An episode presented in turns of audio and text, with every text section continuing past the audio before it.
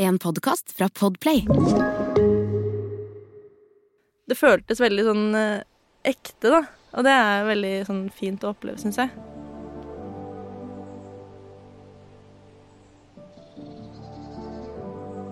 Hei, jeg heter Agnete Huseby, bedre kjent som Magnetesh. Jeg er YouTuber og influenser. Og i dag skal dere få bli med på min fantastiske dag i en liten by i Vietnam, som kanskje er det beste stedet jeg har vært i noensinne.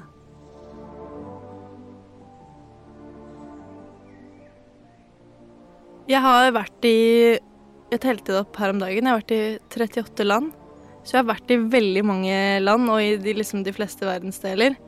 Og jeg har veldig mange fine, eh, fine opplevelser fra veldig mange land. Så når jeg skulle velge et uh, sted å prate om, så var det litt vanskelig å velge. Men det var på en måte en dag som skilte seg ut, og det var den ene dagen i Dalat i 2016 hvor jeg følte at nå Både nå lever jeg, nå opplever jeg ekte et ekte land.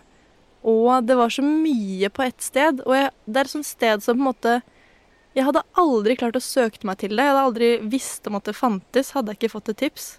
Så jeg føler at er liksom jeg, Hver gang noen sier at de skal til Vietnam, så sier jeg at dere må dra dit. Det er et sted dere, dere kommer ikke til å velge det ut hvis dere ikke får det tipset her, men dra dit. Det er det beste dere kan gjøre. Der eh, er det ikke så veldig mange som bor. Det er rundt 200 000 eh, som bor der i et land hvor det er nesten 100 millioner.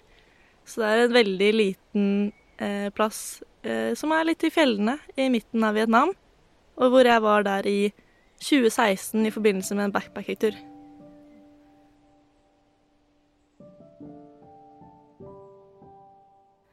Det viktigste for meg når jeg skal velge et sted å dra til, så vil jeg gjerne oppleve noe nytt. Jeg vil gjerne komme til et land hvor jeg ikke har vært Jeg føler at jeg ikke har vært i det landet før, og at jeg vil oppleve landet på ordentlig, og ikke dra til de liksom, typiske turistfellene. Eller hvis jeg gjør det, så er det, det er fordi jeg er klar over at det er det jeg gjør. Jeg kan dra til Granca og kose meg, liksom, men da vet jeg at jeg drar til Granca fordi det er Granca. Så jeg føler at det er på en måte det jeg tenker mest på når jeg skal velge et sånt land. Da. Hvor er det jeg kan oppleve mest mulig?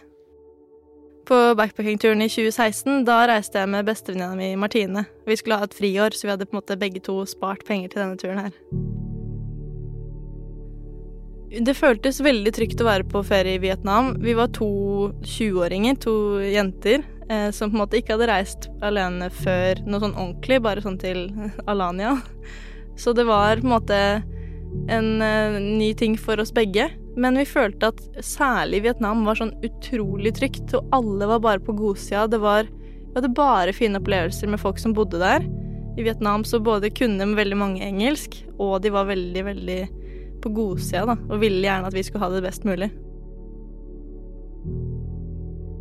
Jeg har veldig lyst til å snakke om Dalat fordi jeg har ja, Kanskje en av de beste dagene som på reise er mens jeg var der.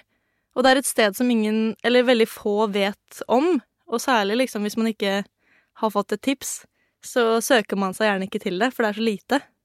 De vanligste byene å reise til når man er i Vietnam, er jo i Hanoi, eh, Halong Bay, hvor de spiller inn King Kong, for det er litt sånn kule, eh, kult landskap. Og også Hue. Vi var i alle de byene der. Eh, og i Natrang er det veldig lett å komme seg til Dalat, og også fra Hoi An så går det busser. Man må på en måte bare oppsøke et sånn reisebyrå eller der hvor de har på en måte busser. Og det er veldig, veldig fint å ta nattbuss i Vietnam fordi de er så smoothe. Eh, men noe man oppdager veldig fort når man kommer til Vietnam, er jo at hele på en måte bybildet er jo bare scootere. Altså, jeg har aldri sett så mye scootere på ett sted noensinne. Og man har jo sett bilder sånn fra India hvor det er veldig masse folk på samme scooter, og det er litt sånne ting. I Vietnam har alle bare hver sin scooter. Og de bruker den til alt. Vi så på vei til eh, Halong Bay, så så vi en fyr som hadde en levende ku bakpå scooteren sin. Den var knytta opp, vi så den bevegde på seg, så den var ikke død. Det var bare en måte å frakte den på.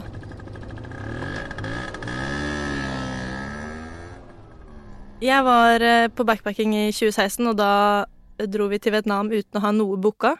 Vi kom dit med flybillett og eh, booket oss inn på et hotell når vi kom dit, eller et hostell, og der møtte vi noen andre backpackere som hadde vært oppover i Vietnam.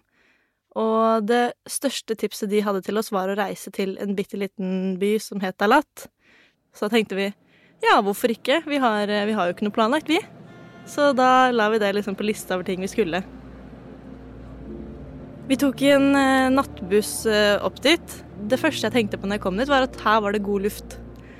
For det er uh, litt sånn mangelvare i masse asiatiske land. At lufta er ganske sånn Det er veldig mye luftfuktighet. Men der er det såpass høyt oppe i fjellene at det var liksom Det var lett å puste, og det var egentlig skikkelig deilig å komme ut av den bussen. Det er jo en, eh, på en måte en eh, by som ligger i fjellene. Det ligger 1500 eh, meter over havet. Altså, byen er egentlig Den ligger litt for seg selv, liksom omringet av litt sånn skog. Det er veldig fine utsikter mange steder. Noen små topper hvor man kan gå 300 meter opp, og så ser man liksom over hele byen, eller over liksom fjeller. Og det er veldig sånn Egentlig veldig fin natur, da, rundt i området der. Og litt sånn rismarker, og det er Ja, det, er, det ser ut som eh, Det er litt sånn et eventyrsted, føler jeg. jeg. Jeg tror, siden det er jo egentlig ganske mange som bor der hvis man sammenligner med Norge, men sammenlignet med Vietnam resten, så er det jo en knøttliten by. Det er som og altså, hovedsentrum var som Lillehammer, føler jeg. Gågata der var ca. like lang. Eller var ikke gågata, da, men liksom der hvor det var noen butikker. Resten av de som bor der, bor litt sånn på hver sin gård. De bor på hver sin plantasje, de bor liksom i området rundt, men de bor gjerne ikke sånn midt i byen. Så det føltes litt som det var, ja, som Lillehammer, for eksempel.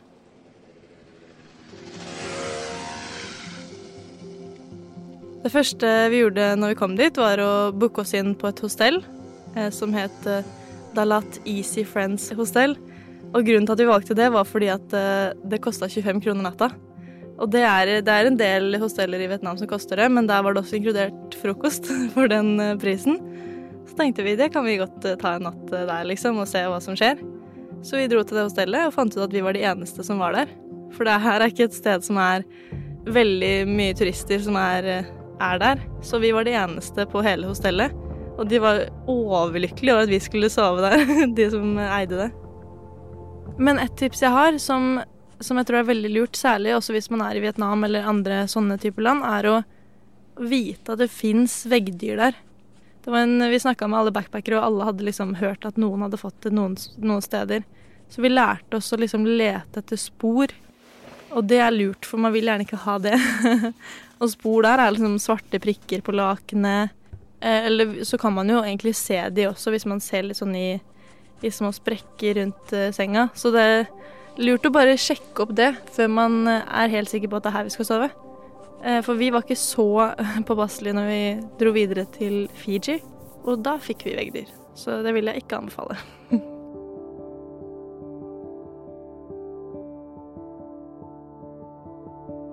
Første kvelden så ble vi faktisk tilbudt middag med de som eide hostellet. Det var sånn familiedrevet, så da fikk vi kyllingsuppe, tror jeg det var.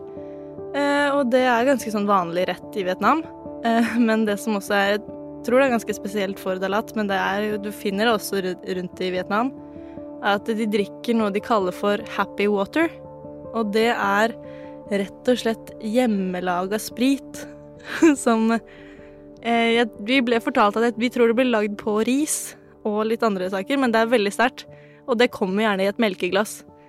Så når vi satt der og skulle spise med den gjengen, så ble vi litt sjokkert over at det var ikke vann vi fikk ved siden av suppen, men det var happy water.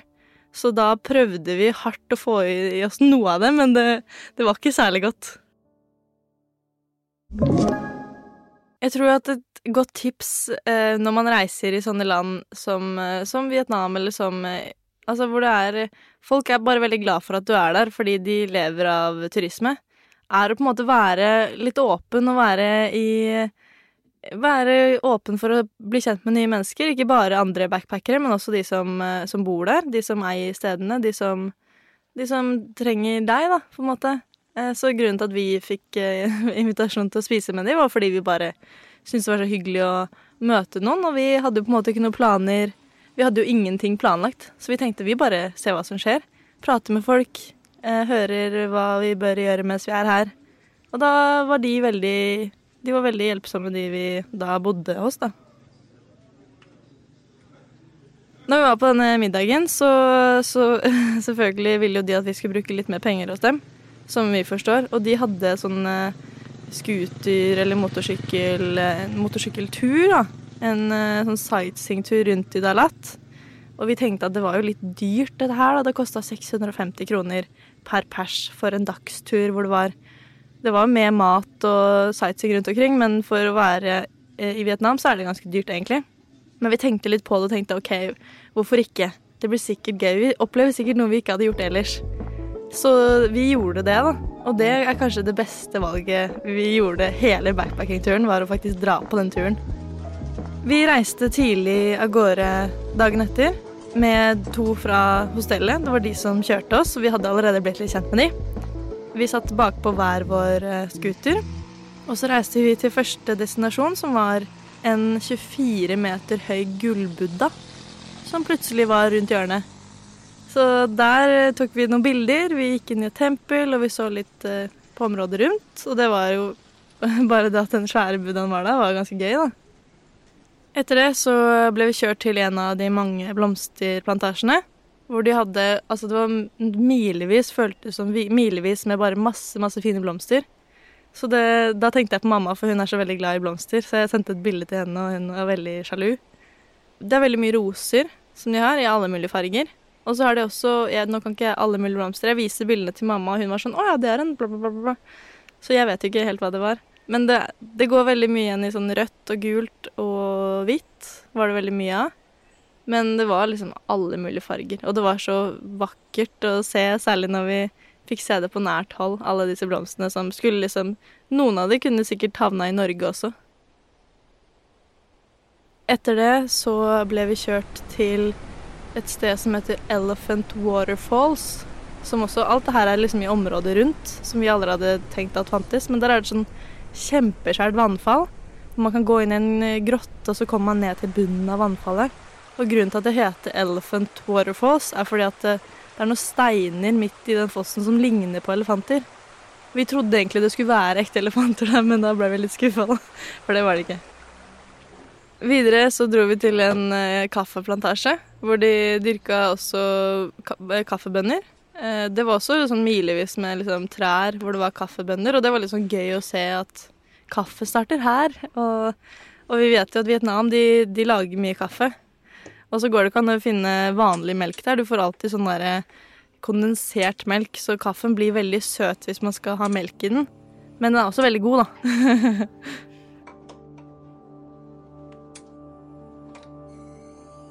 og derfra dro vi til en silkefarm, der hvor de lager silke. Og det starter fra en sånn silkelarve, som vi fikk se liksom hele prosessen fra. Det er denne larven den går inn i en sånn derre eh, Jeg vet ikke hva det heter, men den blir til en sånn liten ball. Og så koker de den, og så surrer de det der eh, greiene som er rundt denne larven. Og så til slutt så blir det til silke, men larven blir igjen kokt. Og da Det morsomme da er at den larven, det bruker de som snacks. De har disse larvene oppi en sånn svær eh, bolle, og så spiser de det som sånn der Det er digg å ha som snacks mens man jobber. så vi fikk jo selvfølgelig da smake på disse larvene. Og det eh, Det var ikke godt. det var som på en måte litt crispy utapå, men som potetmos inni, og så smakte det ikke som potetmos. Det smakte som noe insekt, på en måte.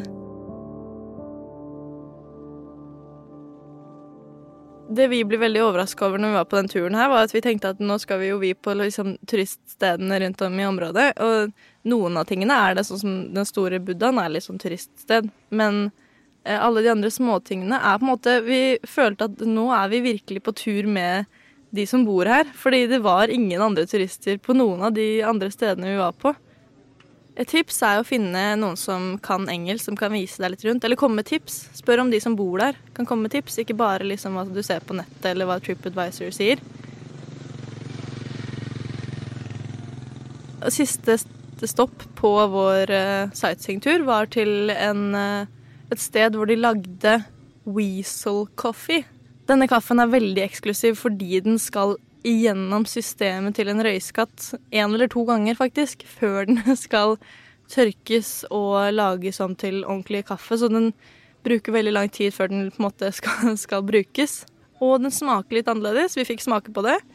Men jeg skjønner ikke helt eh hvorfor, på en måte. eh, og det var gøy å på en måte få være med på den reisen, men, eh, men jeg hadde ikke brukt penger på å drikke det til vanlig, da.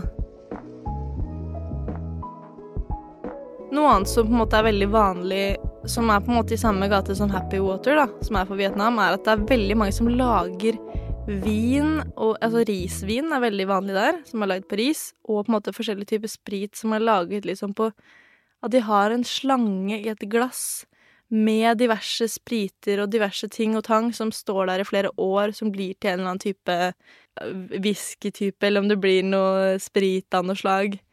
Vi fikk smake på det, og jeg syns jo ikke det smakte noe godt. Det smakte bare veldig, veldig sterkt. De er veldig det virker som de tåler mye, fordi alt vi smakte på alkoholgreier der, var veldig sterkt. Men det var ikke veldig godt. Men apropos alkohol også, var det et sted Og det var egentlig flere steder i Vietnam, men også et sted i Dalat. Jeg tror det het Yolo kafé, som også vi syntes var gøyalt at det het Yolo kafé. Eh, der var det Kunne man kjøpe øl for én norsk krone. Altså hjemmelaga øl, men det kosta én krone. Vi, det var helt vilt. Vi var eh, tre dager i Dalat. Siste dagen så tok vi det ganske rolig. Da eh, regna det, som var litt deilig å få liksom frisk luft. Og det var ikke regn noen andre steder i Vietnam. Det var liksom, fordi vi var i fjellet, så var det litt deilig å ha sånn skikkelig skyllebøtte med regn eh, et par ganger. Så vi satt på Yolo kafé, satt og drakk kaffe og egentlig tok en rolig dag. Og så tok vi bussen videre da til Ho Chi Minh etter det. Og også et veldig bra tips som jeg pleier å gjøre. Jeg pleier alltid å søke opp den byen jeg skal til, og se liksom noen videoer av folk som er der. Kanskje søke opp er det trygt å være der alene. Og det er jo ikke alle steder det er det, så man må på en måte ta noen forhåndsregler. Men som regel så er det veldig trygt de fleste steder hvis man bare på en måte ta, gjør litt research, da. Jeg elska å være i Dalat fordi det var et så random sted. Og det var så utrolig mye fint å se. Og luften var helt fantastisk. Folkene var helt fantastisk. Og det bare var en sånn Jeg vet ikke frihetsfølelse.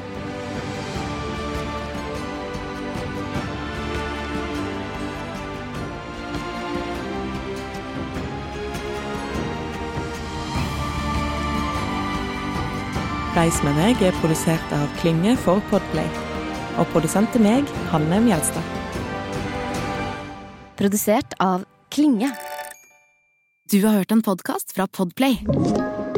En enklere måte å høre podkast på.